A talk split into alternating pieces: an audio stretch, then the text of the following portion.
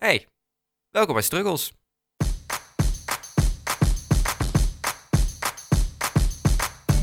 Superleuk dat je luistert naar de tweede aflevering van Circles. Ik ben Roos. En ik ben Olivier. En eh, vandaag gaan wij het hebben over jullie schoolstruggles. Yes, schoolstruggles. We eh, hebben weer gekeken naar de enquête die jullie massaal hebben ingevuld. En zo hebben wij dit thema besloten. Ja, want daar zijn eh, massaal vragen ook over school binnengekomen. Eh, heel veel verschillende soorten vragen. Van faalangst tot groepsdruk tot gewoon bijblijven in de les. Ja, wij gaan lekker kletsen dus. Vorige week eh, hadden we het meer over kortere onderwerpen gehad. Nu gaan we meer in thema's werken. Maar stuur nog vooral jullie vragen in en vul de enquête in. Want hoe meer wij van jullie weten, hoe beter wij jullie kunnen helpen. Ja, en die enquête die is te vinden op de Insta hoogtepunten en via de website van 120. 120.nl. School. Ja, school. School. Heb jij ooit moeite gehad met school? Of ik moeite heb gehad met school. Maar vond jij het helemaal kut, Nou, om het zo te zeggen? school, nee, niet per se. Maar dat was omdat ik best wel onder mijn niveau zat. In groep 8 was het een beetje een vraagteken. Wat ga ik doen? Ga ik HAVO doen? Ga ik eh, TL doen? Toen is uiteindelijk besloten dat ik het beste TL kon doen. Dat vond ik eerst verschrikkelijk. Want mijn broer en zus deden allebei HAVO. En mijn zus heeft later nog VWO gedaan. Dus ik voelde die druk van, niet eens van mijn ouders of zo. Want die waren, ik mocht, ja, ik mocht doen en laten wat ik wou, zeg maar, daarin. En alles was goed. Maar meer van mezelf dat ik dat ook graag wou. Want hun deden het allebei wel. En ik voelde me daarin niet voldoende. Want ik wou dat ook en ik wou dat ook kunnen. Net als mijn broer en zus. Ja, ik snap heel goed wat je bedoelt. Ik zei in groep 8, groep 7 zei ik altijd, ik ga hierna MAVO, of nee, ik zei altijd, ik ga HAVO VWO doen. Dus ik had me daar helemaal op gericht. En toen mijn advies was volgens mij MAVO HAVO, maar daarvoor had ik eigenlijk al besloten om KT te gaan doen. Dus dat is eigenlijk ja, twee niveaus lager en dat, daar is natuurlijk niks mis mee. Ehm, maar ik weet niet meer precies hoe dat is gegaan, dat ik op KT terecht kwam. Maar eh, ik weet nog wel dat ik inderdaad ook best wel die druk voelde van nou, al mijn vriendinnen gaan naar MAVO, HAVO. Ehm, mijn beste vriendin die niet bij mij op school zat, die ging naar het VWO. Dus dan voel je nou best wel die druk om ook ja, een hoog niveau te willen doen. Terwijl dat is niet. Dat maakt je geen Nee, beter is persoon. Wel vreemd inderdaad. Ja. Ja. In mijn klas, ik zat met tien mensen in de klas. oh, Nee, twaalf mensen aan het einde. kleine ja, klas. superkleine klas. Ja, Ehm, en de helft daarvan, of nee, ik denk dat wel eh, van die twaalf mensen, of veertien of zo, het was heel klein in ieder geval, ja. ging, eh, ik denk wel 80%, eh 75% naar HAVO-VWO. Ja, en dan voel Dus je wel die een druk. rete slimme klas. Ja, en daardoor dacht ik altijd al van, mm, ja, shit. Ik hoor dan bij de mensen die dat niet mag. Zo Ja. voelt het vooral, niet mogen. Terwijl dat heel raar is. Ja, Want je komt uiteindelijk bij een niveau waar je zelf terecht wordt. Eh, en waar je alleen maar beter van wordt. En ik heb het daar wel best wel met mijn ouders over gehad. En ik wou, eh, toen wou ik ook acteur worden. Wat ik nu ook studeer. En die hebben toen maar uitgelegd, ja weet je wat het is? Nu ben je in vier jaar klaar. Dan kun je beginnen met een studie. Kun je verder studeren. Nu heb je ook de tijd, want het gaat waarschijnlijk heel makkelijk af school. De tijd om bezig te houden met creatieve vakken. Je kan meer acteren. Je kan eh, vaker naar theatergroep. Je kan vaker sporten. eh, je kan tekenen. Je hebt vrije tijd. En dat heb je anders minder. Van ons mag je het HAVO, maar dat betekent echt dat je gaat eh, moeten knokken. Eh, en toen heb ik uiteindelijk besloten, nadat ik mijn eh CITO heb gedaan en daar HAVO op uitkreeg, dat ik dacht van ja, ik kan het. Ik heb het mezelf bewezen. Ik ga lekker TL doen. En dat is denk ik een van de beste keuzes die ik daarin heb gemaakt. dat eh, vind ik ook inderdaad wel bij jou passen. Ja, want dat is het ding wel inderdaad. Hoe ja, hoger je niveau, hoe wel meer theoretisch je bezig bent. En hoe meer vrije tijd het opneemt. Je bent langer met school bezig. En natuurlijk, als jouw doel is om iets op de universiteit te gaan doen, dan is dat misschien een betere weg voor jou. Dan ben je er ook vaak wat sneller. Ehm, maar dat is gewoon per persoon heel verschillend. En dat zegt 100%. verder niks over hoe slim je bent of hoe goed je bent. Dat staat daar compleet los van. Ja, klopt. Maar je gaat je toch altijd vergelijken aan de mensen die dat Ja, wel kunnen. natuurlijk. Ja. Maar dat zal altijd ook wel blijven. Je gaat je altijd vergelijken met anderen. Ik denk Ah. dat op school daar meer aandacht aan besteed mag worden. Dat vooral die CITO vind ik heel erg, Ja, heel Zeker. erg outdated. ja, is het ook. Dat is echt een momentopname. Ik denk niet dat je daarop mag bepalen welk niveau een kind gaat doen. Maar ja, het is zo'n momentopname. Je kan net juist een goede dag hebben of niet. Precies. Dat zou niks mee te maken hebben over waar je later gaat, verder gaat met school. Daarom. Ja, want ik geloof wel, het is misschien een beetje spiritueel of zo, daar moet je je misschien niet aan vasthouden. Maar ik geloof wel dat je uiteindelijk terecht komt waar je moet zijn. Uh, maar het is natuurlijk wel hartstikke vervelend als je daarvoor een enorme omweg moet maken, omdat je school het heeft gebaseerd op een CITO-toets. Ik denk dat je het uiteindelijk wel terechtkomt. Ik denk dat die route wel voor iedereen anders kan zijn. Je kan ook Ja, beginnen zeker. op eh kader en dan naar TL gaan, naar HAVO en uiteindelijk op de universiteit terechtkomen. Precies. Het Ja, maakt dat niet per se wat, uit hoe je eh, ergens komt. Mijn moeder heeft gedaan. Echt waar? Ja, die heeft eh, de hele route afgelegd, zeg maar. Zo. Die heeft MAVO gedaan, net als ik. Die is naar het MBO gegaan, HBO en toen de universiteit. Dus het kan, zeker op die manier. Het is maar net wat bij je past, ja. En of je er nou binnen vier jaar bent, of binnen acht jaar, of binnen tien jaar, uiteindelijk kom je er wel. Ja, nee, ik was altijd heel erg blij dat ik die vrije tijd had. Ja, Eh, school ging mij daarom ook goed af en ik had tijd om af te spreken met vrienden. Ja. Eh, en ik ben daar heel erg gelukkig van geworden. Ik denk dat dat het belangrijkste is. Eh, school is belangrijk. Ja. Maar je mentale gezondheid en hoe gelukkig je bent is nog belangrijker. zeker. Daar ben ik het mee eens. En ik denk dat daar ook niet heel veel focus op ligt per se. Heel erg ligt de nadruk op presteren. En dat is soms moeilijk, zeker als je een puber bent en net Ja, begint op een middelbare school. Alles is anders en er worden opeens dingen van je verwacht. Ja. Verwachtingen zijn er. En Ja, ga dan maar presteren. nee, precies. Kijk, ik weet niet zo goed hoe het nu gaat, want voor mij is de basisschool, zeg maar groep 8, is al zes jaar geleden, zo'n beetje. Ehm, dus hoe scholen daar nu mee omgaan, weet ik natuurlijk niet. Maar bij mij focusten ze zich niet echt op wat is goed voor jou als persoon. Maar het was gewoon echt meer van wat kan je en wat, wat kunnen we eruit halen, zeg maar. Dus ik weet niet zo goed hoe ze dat nu doen. Ik hoop dat er wat meer aandacht is naar mentale gezondheid. Ja, en ik hoop dat het op middelbare scholen ook net zo is. Dat idee heb ik wel.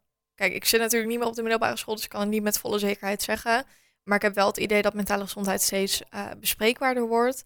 En dat ook steeds meer scholen wel gaan inzien dat het heel belangrijk is dat hun leerlingen goed in hun vel zitten. Ja, zeker. Ik denk dat dat ook komt omdat het steeds meer speelt. Ja, Eh, nou, het speelde altijd al wel, maar mensen praten er steeds meer over, wat heel goed is. ja, precies. Eh, maar ook als je naar de statistieken kijkt, steeds meer mensen de- kampen er ook mee.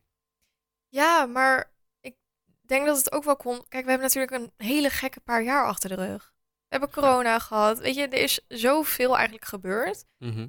Dus ik denk dat het ook wel voor een deel daaraan ligt dat heel veel mensen daar mentaal wel eh, het moeilijk mee hebben gehad. Ook dat ze geen sociale contacten meer konden hebben eigenlijk. Ik denk dat het wel voor een groot deel daaraan ligt. Als kind had ik dat heel erg faalangst. Ja? Ik weet nog heel erg dat ik vooral voor het woord CITO. Oh. Oh, ik was daar zo bang voor. Als ik wist dat ik een CITO was, dan ging ik gewoon niet slapen. Oh. Tenminste, ik ging wel slapen, want je, je slaapt uiteindelijk wel. Ja. Maar Je kon gewoon ik was dan zo slapen. bezig dat, met die CITO dat ik er niet van kon slapen. En daardoor dacht dat ik niet sliep en niet uitgerust was. En daardoor kon ik de CITO niet maken, want ik had geen Oh. slaap gehad. Zielig. Ja, ik, ik had daar wel heel veel last van, die faalangst. Ik werd er wel in begeleid op de basisschool. Ja. Maar ja, als er dan zo'n CITO aankwam. Dus, dus werd mij ook niet verteld van tevoren. dat ik gewoon aankwam, want ik de CITO. Nou, toen begon de buikpijn. ja. En elke keer toen ik maakte, ging het dan wel goed. Alleen, ja, is toch een belangrijk moment. En ik maakte het denk ik in mijn hoofd als kind veel belangrijker dan het was. Ja, klopt. Dat, Want eh, zoveel boeit het niet. Maar ook gewoon de groep 8 CITO, de eindexamen CITO, was ik in groep 6 al bang voor. Want ik Ja? wist dat ik dat dan moest maken en dat dat heel belangrijk ging zijn voor waar ik naartoe ging. ja, Elke keer als ik dan CITO maakte, dacht ik, "Ah, het valt eigenlijk wel mee. ja. Ging het steeds een stukje makkelijker. En vooral de eind-CITO dacht ik echt wel, ja, was dit het nou? Heb ik me hier druk om gemaakt? Het viel Ja. me echt reuze mee. Ja, maar ik denk dat dat het altijd wel een beetje is met faalangst. Mhm. Je, ik heb er zelf gelukkig niet heel veel last van gehad. Je maakt het altijd heel groot en dan word je er heel zenuwachtig voor. Maar achteraf dan kijk je erop terug en dan was het allemaal wel te doen. Ja, is het allemaal is gewoon heel erg druk maken. Ja. En je schiet er niks mee op. Nee, dus mocht je ook kampen met faalangst, praat erover. Ja, dat heeft mij heel erg geholpen. Ja. Eh, ik heb altijd geluk gehad dat ik met mijn ouders over kon praten. En met mensen op school en zo. En die hielpen me daar heel erg bij. Ja, iedere school heeft eh, leerlingen, coördinatoren, eh, mensen die, eh, ja, vertrouwenspersonen, En die zijn er maar. ook echt voor jou. moet je niet bang zijn om daarop af te stappen. Eh, mocht je er nou een beetje voor schamen, wat ik ook wel kan inzien, dan je hoeft het niet met de hele wereld te delen. Nee, het is, het is iets voor jou. En je deelt het met mensen waar je je comfortabel mee voelt. Ja. Het is ook niet echt een beschamend ding van... Oeh, Nee, ik heb een, een teennagelinfectie, zeg maar. Bij dat is het niet. Eh, Hoef het je is ook ook niet voor te schamen iets waar je voor uit hoeft te komen. Van, jongens, ik zit ermee, ik ga het delen. Ik heb faalangst. Weet je, het, het ding is, het is niks gênants. Je hoeft je er niet voor te schamen. Maar dat is met alles waar je moeite mee hebt. Je wil niet dat anderen weten dat jij het er moeilijk nee, mee je hebt. wil eigenlijk altijd dat mensen denken dat het goed gaat. Ja, terwijl het juist hartstikke goed is om ja, eerlijk te zijn en te delen waar je last van hebt, waar je mee kampt. De mensen wie dat wat aangaat natuurlijk. Ja, precies. Je mag het ook lekker niet voor jezelf eh, met de hele klas te delen. Ehm, als je het alleen tegen je beste vriend, je beste vriendin of je moeder of je vader of wie dan ook wil zeggen, is dat prima. Als je het aan iemand wil vertellen, ja, zou ik afraden, vooral als je er veel last van hebt. Het gaat het wel makkelijker maken om erover te praten. En hoe meer je erover praat, hoe normaler het wordt, hoe meer oké je ermee bent. En ik denk dat acceptatie een belangrijk onderdeel is van Zeker. ermee om leren gaan. Ja. Ja, nee, dat is ook zo. Ja, ik kan dus niet vanuit ervaring met faalangst spreken. Mhm. Maar praten helpt heel erg. Ik vond het altijd heel erg lastig om over mijn gevoelens te praten. Is nog steeds wel een beetje een dingetje hoor. Uh, maar ook met mijn ouders vond ik het gewoon heel moeilijk. En dan kropte ik alles een beetje op. En dan kwam het er allemaal in één keer. Na een tijdje kwam het eruit. En dan werd ik heel boos. En echt tot schreeuwen en huilen aan toe, zeg maar. Um, en dan gingen mijn ouders gewoon altijd heel erg rustig met mij zitten. En dan moest ik eigenlijk wel vertellen wat er allemaal aan de hand was. Nou, dan kwam het er allemaal in één keer uit.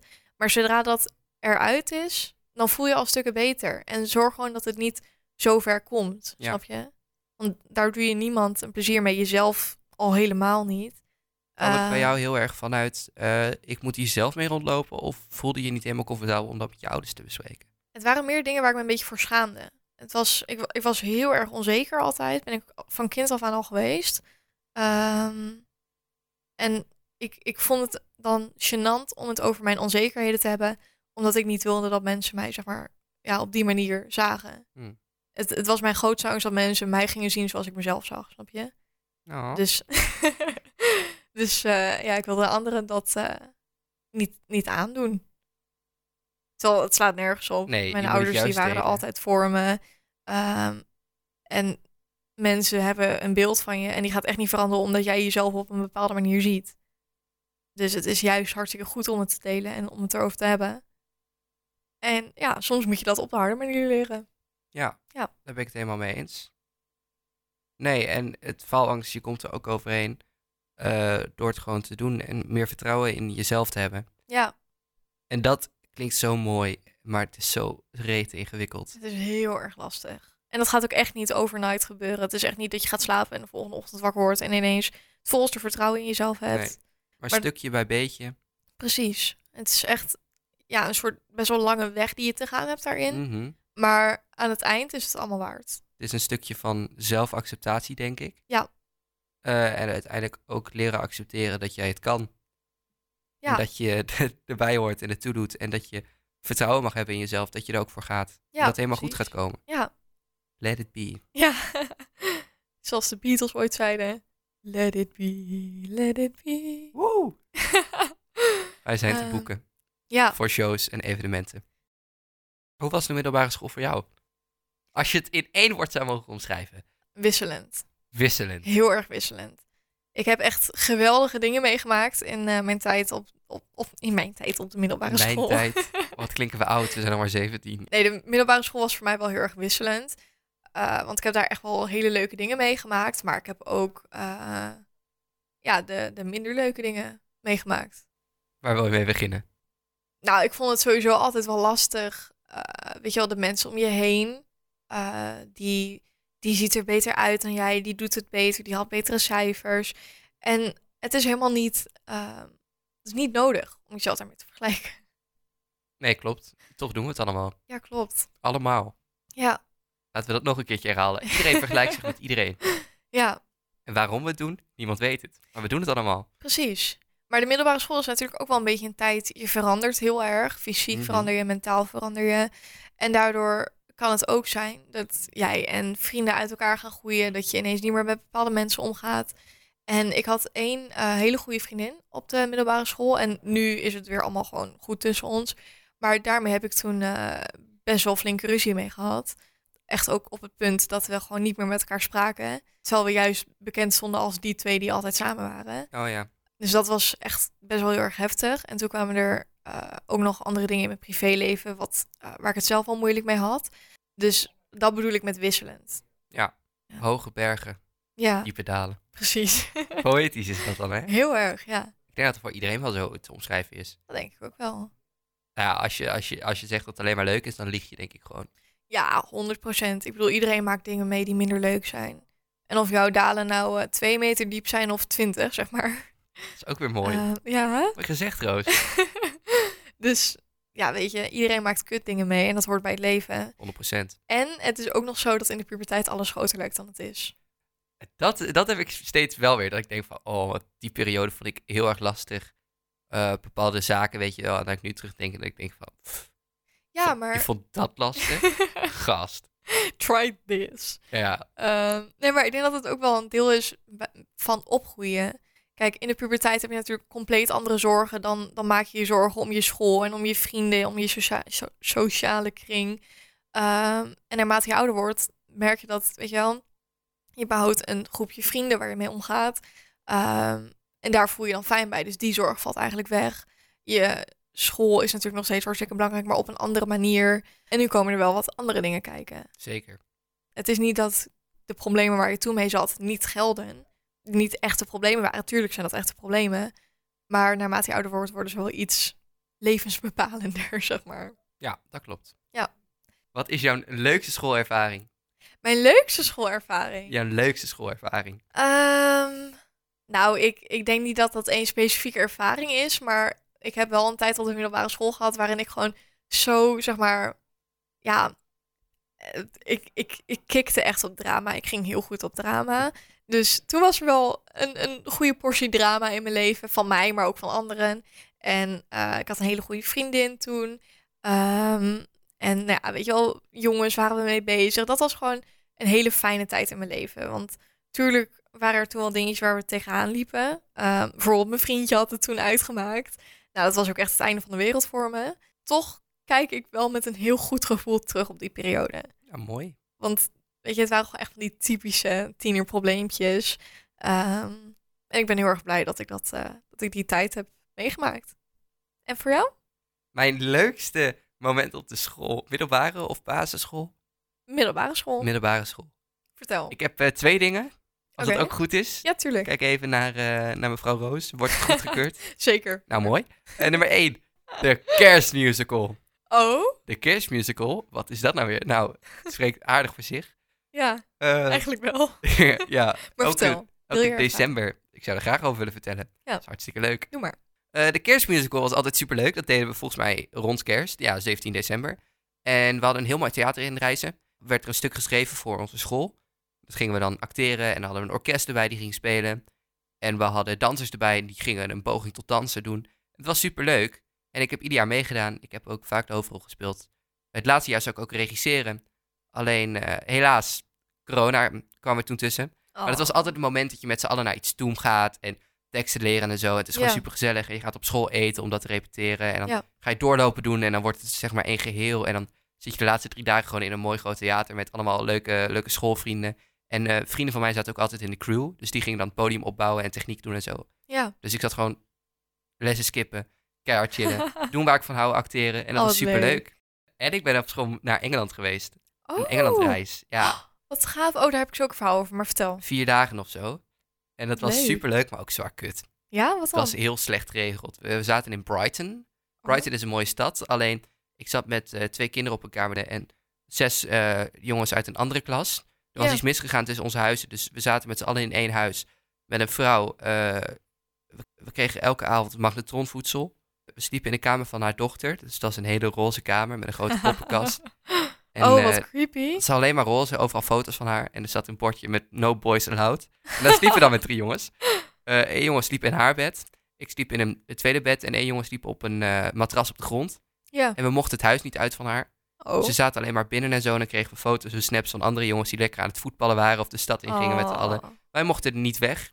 Van die vrouw? Nee, we kregen pasta uit de magnetron. Patat uit de magnetron. Tweede avond nog een keer patat uit de magnetron. Wat? Zat een hond, die was blind. En die heette Paddy. En die deed dan... Oh. Oh, En dan zei ze, shut up, Paddy. oh En, wat zielig. Ja, die maar het was- hond. het was wel heel gezellig. Wat heeft de hond misdaan? Ja, hij was blind en doof en hij maakte heel vaak... Zaten op onze kamer en een beetje praten, weet je wel. En dan opeens...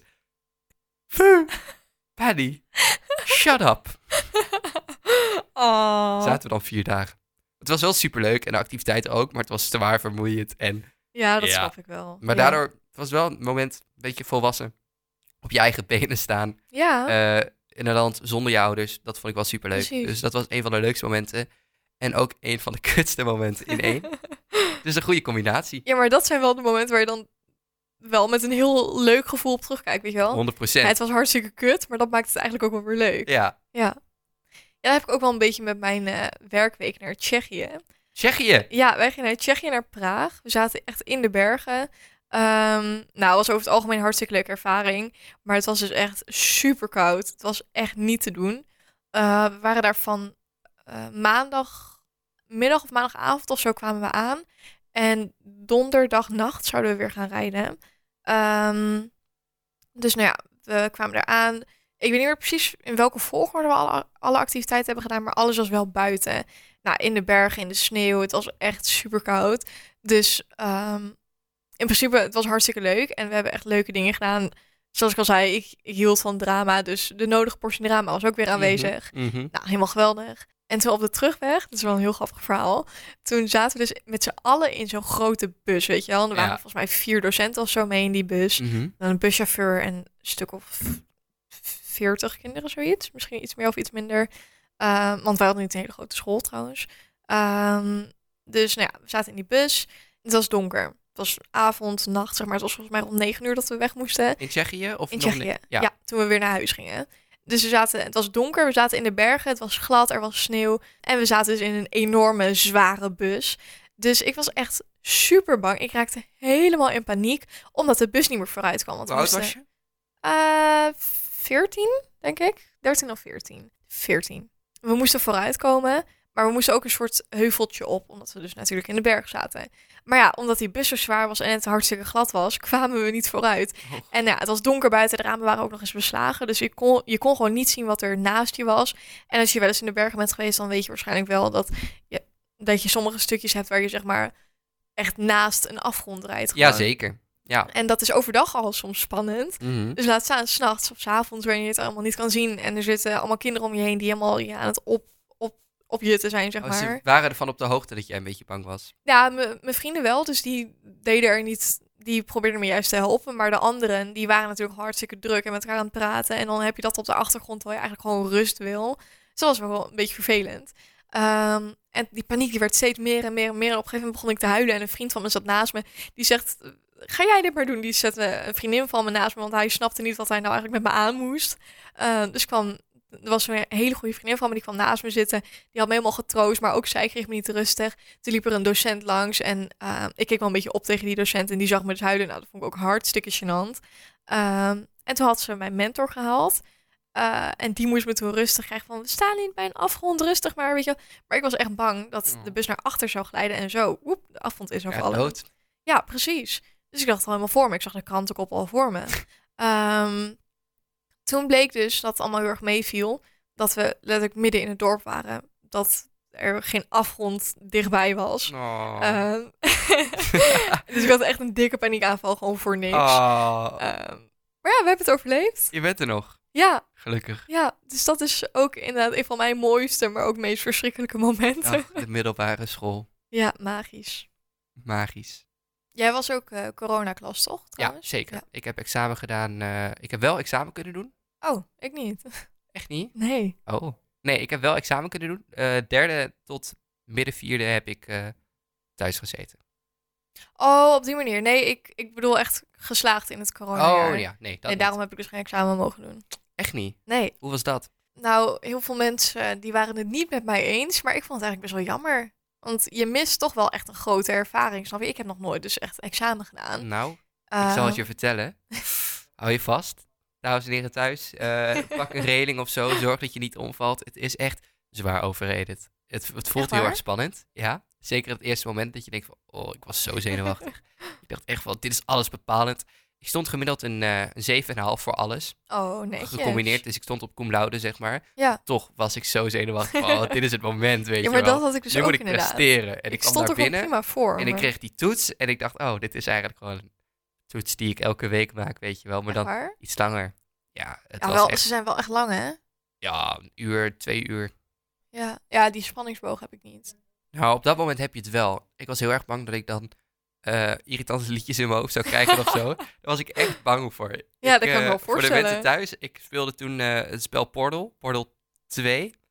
Dat is echt een heel goed spel voor als je wil spelen. Maar daar zit een heel irritant muziekje in. eh, van- op een radio. En ik was bang dat ik die in mijn hoofd zou krijgen. ik was gewoon zo, zo bezig met stressen. Dat ik gewoon dacht, van, ik ga dat in mijn hoofd krijgen. En dan ga ik daaraan denken. En omdat ik er nu aan denk, ga ik het dan ook denken.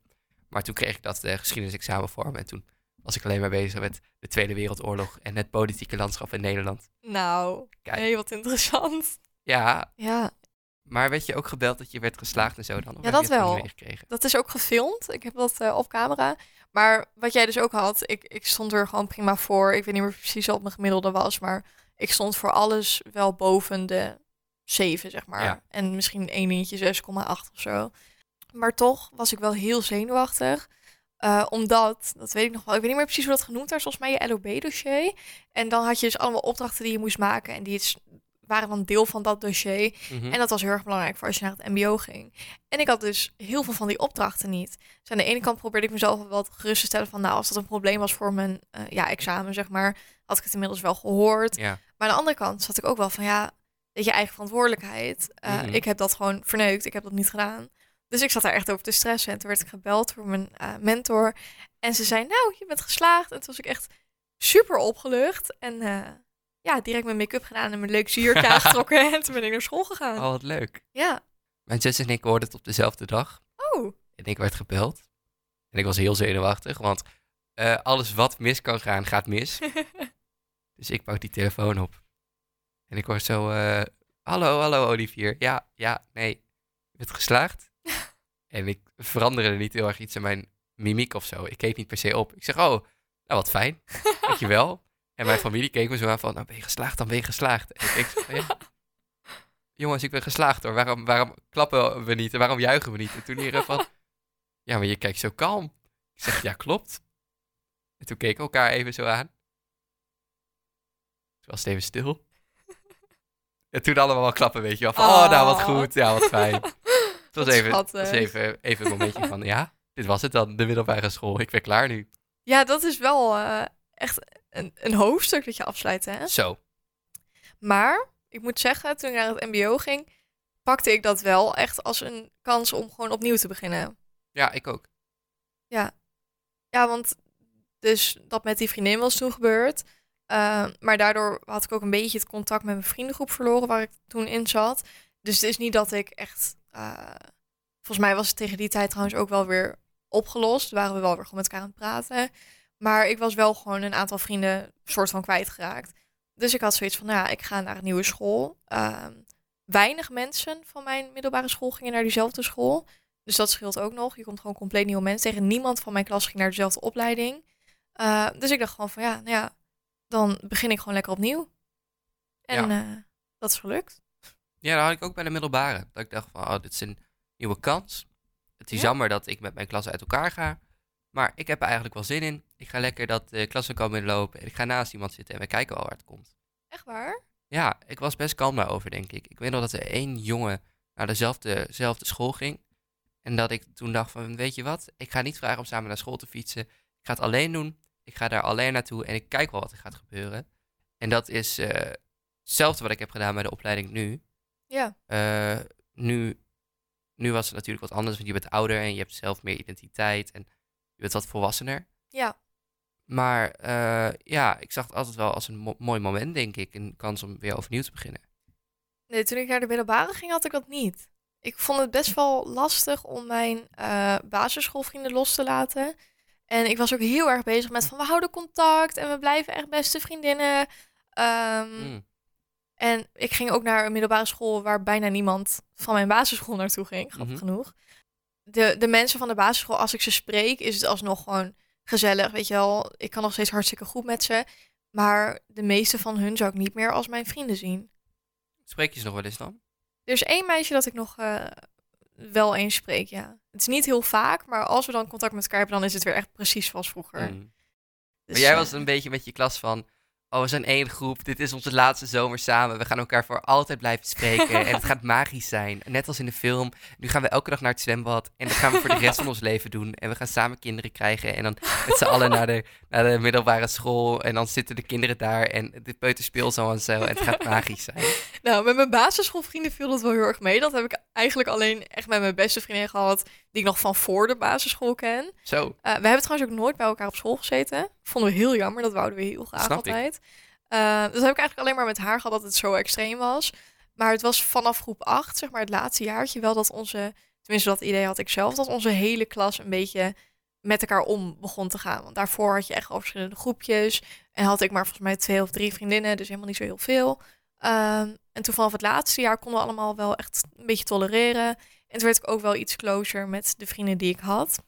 Dus ik vond het toen wel lastig om dan naar de middelbare school te gaan en dan zeg maar de angst hebben om hun kwijt te raken. Hm. Maar het is niet dat ik daar mentaal helemaal aan ten onder ging of zo, dat totaal niet. Maar ik was wel zenuwachtig voor de middelbare school. Um, en ik vond het wel hartstikke jammer om die vrienden dan niet meer te spreken. Dat snap ik. Hoe was de eerste schooldag voor jou dan? Van de middelbare school? Yes. Um, moet ik even heel goed nadenken. Nou, ik, ik, kan het me niet meer precies herinneren. Ik weet alleen nog dat er één meisje was waar ik heel veel mee omging. Um, en wij waren dus met z'n tweeën een beetje. En toen waren er ook nog twee andere meisjes in onze klas die heel veel met elkaar omgingen. En toen werden we een soort klein groepje met z'n vieren. Uh, maar toen die vriendin van mij die verhuisde naar de andere kant van Nederland. Dus toen um, ben ik wel iets meer met die andere twee omgegaan. En dat zijn nog steeds vriendinnen van me. Echt superleuk. Dus we zijn nog steeds een hartstikke gezellig vriendengroepje. En uh, ja, lekker met de meiden. Oh, wat leuk. Eigenlijk, ja. En voor jou? Voor mij de eerste schooldag. Ja. Dan moet ik echt... Het is niet dat ik heel diep moet graven of zo, maar meer wat interessants erover te zeggen. Ja, niemand kent elkaar. Het is allemaal een beetje ongemakkelijk. Ja. Ik weet nog, voordat ik daar naartoe ga, ken ik de klas al een beetje. Want er was een meisje, die was jarig en die had ons uitgenodigd op haar barbecue. Oh, wat leuk. Ja, heel leuk. Nee, we Oh. kwamen daar aan en er waren twee andere jongens. Oh. Voor de rest waren het alleen maar meisjes. Nou ja, jongens en meisjes, 12, mix niet Nee, super per klopt. se. klopt. Eh, al had ik dat jaar wel heel wat vrouwelijke vriendinnen en zo, en sprak ik daar ook wel mee af. Maar zeker in het begin was een beetje van, mm, we kennen elkaar niet. En jij bent een meisje, ik ben een jongen. Dat neem je nog een beetje mee van groep 8 of zo. Ja, ik heb dus eigenlijk, eh, ik en die andere twee jongens, geen woord tegen hun gezegd. Wij zaten een beetje in ons eigen hoekje. Ja. En uiteindelijk eh, hadden ze de Playstation daar. Toen zijn we met z'n drie gaan gamen. Toen ben ik goed bevriend met hun geworden. Oh, Eh, niet met de meisjes, ah, helaas. op dat moment. Nee, later werd ik, eh, ik ben nog steeds wel met een paar vrouwen, vrouwen, mensen van het vrouwelijk geslacht bevriend die ik toen heb ontmoet. ja. Maar ik vond dat zo ongemakkelijk. ja, maar dat snap ik wel. Ik, op die leeftijd had ik dat ook heel erg. Dat ik echt niet op jongens ging afstappen om vrienden te maken. Nee. dat- Hoewel ik in groep 8 wel een aantal jongensvrienden had. Ja, dat, ik, ik, ik ook wel. Groep 8 was het makkelijker, denk ik. Maar dan ken je elkaar ook al een paar jaar. hè? Ja, klopt. Het is niet dat je dan ineens bij elkaar gedropt wordt en zoek het maar uit. En met jongens is het heel anders, want dan ga je naar elkaar toe en dan kijk je of er een beetje een klik is. Ja. En met, met mijn vrouwelijke vriendinnen was het meer dat ik dan in de klas zat en dat je dan toevallig elkaar spreekt. Dat je denkt dat, oh, dat is best gezellig, best leuk. En dan zo een beetje ontstaat. Ja, dat idee heb ik ook wel. Dat het eh, bij vrouwen wel meer, zeg maar, een beetje gewoon echt ontstaat. Dat er echt gewoon een vriendschap ontstaat. Ehm, en dat het bij jongens meer is van, nou, klikt het wel, klikt het niet, zo niet. Nou, dan ga ik wel naar een andere groep, weet je Ja, wel. klopt. Dat, eh, ja, dat, Jongens zijn denk ik eerlijker daarin. dat- ja, zeker. Zeker, dat denk ik ook wel. Ik denk dat meisjes nog wel eens, weet je wel, een neplach opzetten. En eh, ik Jongens ook wel, maar ik denk vrouwen misschien vaker. denk het ook wel. Heb jij dat wel eens gedaan? gedaan alsof ik iemand mocht, terwijl het niet zo was. Vaak genoeg. Oei. Ja. Nee, er, tuurlijk, er zijn echt wel... eh, overal kom je wel mensen tegen die je niet mag. Zowel op de middelbare school als op het mbo, als op de basisschool, weet je wel. Ehm, en bij sommige mensen deed ik niet echt mijn best om het te verbergen. Mhm. Ehm, maar dat zijn dan ook mensen waar je niet mee omgaat, weet je wel. Dus dan maakt het niet uit als je Sure. elkaar niet zo ligt. Maar als je dan in dezelfde vriendengroep zit of je moet met elkaar samenwerken voor een project of zo. En dan mag je elkaar eigenlijk niet of klikt het gewoon niet, dat kan natuurlijk ook. Dan ga je natuurlijk wel gewoon vriendelijk tegen elkaar doen. Want het heeft ook geen zin om knallende ruzie te hebben terwijl je samen moet werken. Dat is een mooi, eerlijk en politiek correct antwoord. Politiek correct, zeker. Ja. Heb jij wel eens gefaked dat je iemand mocht dan, terwijl het niet zo was? Eh, jawel, maar ik denk dat jongens wel eerlijker zijn over het algemeen. Waar, hoe, waarom denk je dat? Sommige jongens zijn heel onvriendelijk daarin. ja, klopt. Eh, die, die laten het echt wel aan je weten en die trappen nog een keertje na, zeg maar. Ja. Ik was daar niet van. Ik was heel erg een eh, people pleaser. Oh. Iedereen, iedereen blij maken en dan Ja. kijk ik wel wanneer ik kom, zeg maar. Ja. Maar als ik over het algemeen over jongens spreek, zijn ze wel meer eh, recht door zee. Maar vind jij het ook moeilijk dan om aan te geven dat je iemand niet mag? Of Waarom zou ik dat aangeven? Kijk, als ik er zelf niks van, van heb, ik ben heel erg van het geen schepen actief verbranden, eh, geen sociale relaties kapot maken als, je, als het niet nodig is. Eh, als iemand iets, iets kut zegt of een grote mond heeft, dan doe ik dat wel terug natuurlijk. Ja. Dat 100%. Maar ja, je weet nooit wanneer je elkaar nodig hebt. Ja, Misschien, misschien speelt wel in iemands anders leven eh, wel iets of heeft het een reden. ja. Dus don't be a dick. Dat Ja, wil ik wel meegeven. Ja, vind ik goed gezegd. Ja, het probleem bij mij is dat je, dat heb je waarschijnlijk ook wel eens gezien, ik, mijn, ik kan mijn emoties niet van mijn gezicht verbergen. Als Ja, ik soms zie ik wel even een oogrol. eh, Ja. Niet om mij, laat ik dat even duidelijk maken. nee, maar nee, klopt. Nee, maar als ik geïrriteerd ben, dat hoeft niet eens op een persoon te zijn, maar dat kan ook gewoon zijn dat er dan iets kuts is gebeurd of dat, het, dat de computer niet meewerkt, dat soort dingetjes. maar ik kan mijn emoties niet verbergen. Daar ben ik echt heel slecht in. En ik kan er ook niet over praten. Dus wel een expressief gezicht. Ja, zeker. Klopt. En ik praat ook heel veel met gebaren. Ja, maar dat zien de luisteraars niet. Dat klopt. Maar jullie zien mijn gezicht ook niet. Maar mocht je Roos gezicht willen zien, ga dan naar de 120 site. Want daar staat een leuke foto van Ja. ons Inderdaad. bij een artikel. En er staat ook een interview. We nemen dit van tevoren op. Morgen gaan wij een interview doen. Dat klopt, ja. Maar dat, eh, dat staat al lang online als jullie dit zien. Dat klopt. Misschien hebben jullie het al wel gelezen of bekeken eigenlijk. En dan eh, hebben jullie ook een beetje een beeld bij hoe wij eruit zien, wie wij zijn Ja. en hoe wij praten. Dat heb je al. Want je hoort ons de hele tijd praten. Ja, dat klopt, dat klopt. Maar ik bedoel hoe wij tegenover elkaar zitten en hoe wij met elkaar echt het Ja, gesprek ik kijk jou recht in de ogen aan voor Ja. mensen thuis. Ik Heel ook. intiem. Ja, zeker. Met die twee meter die tussen ons zit. Oei, period. Wij willen jullie bedanken voor het luisteren naar onze tweede aflevering van Struggles met Roos en Olivier. En eh, wederom vonden wij het hartstikke leuk om te doen. Yes. En eh, de volgende aflevering die verschijnt volgende week. Ja, en dan hebben we weer een interessant thema waar we over gaan praten. Zeker. Dus, en dan eh, zien we... Nee, we zien jullie niet. Jullie horen ons. Wij hopen dat jullie ons dan weer horen. Dat is raar om af te sluiten. Tot volgende week. Tot volgende week. Doei. Doei.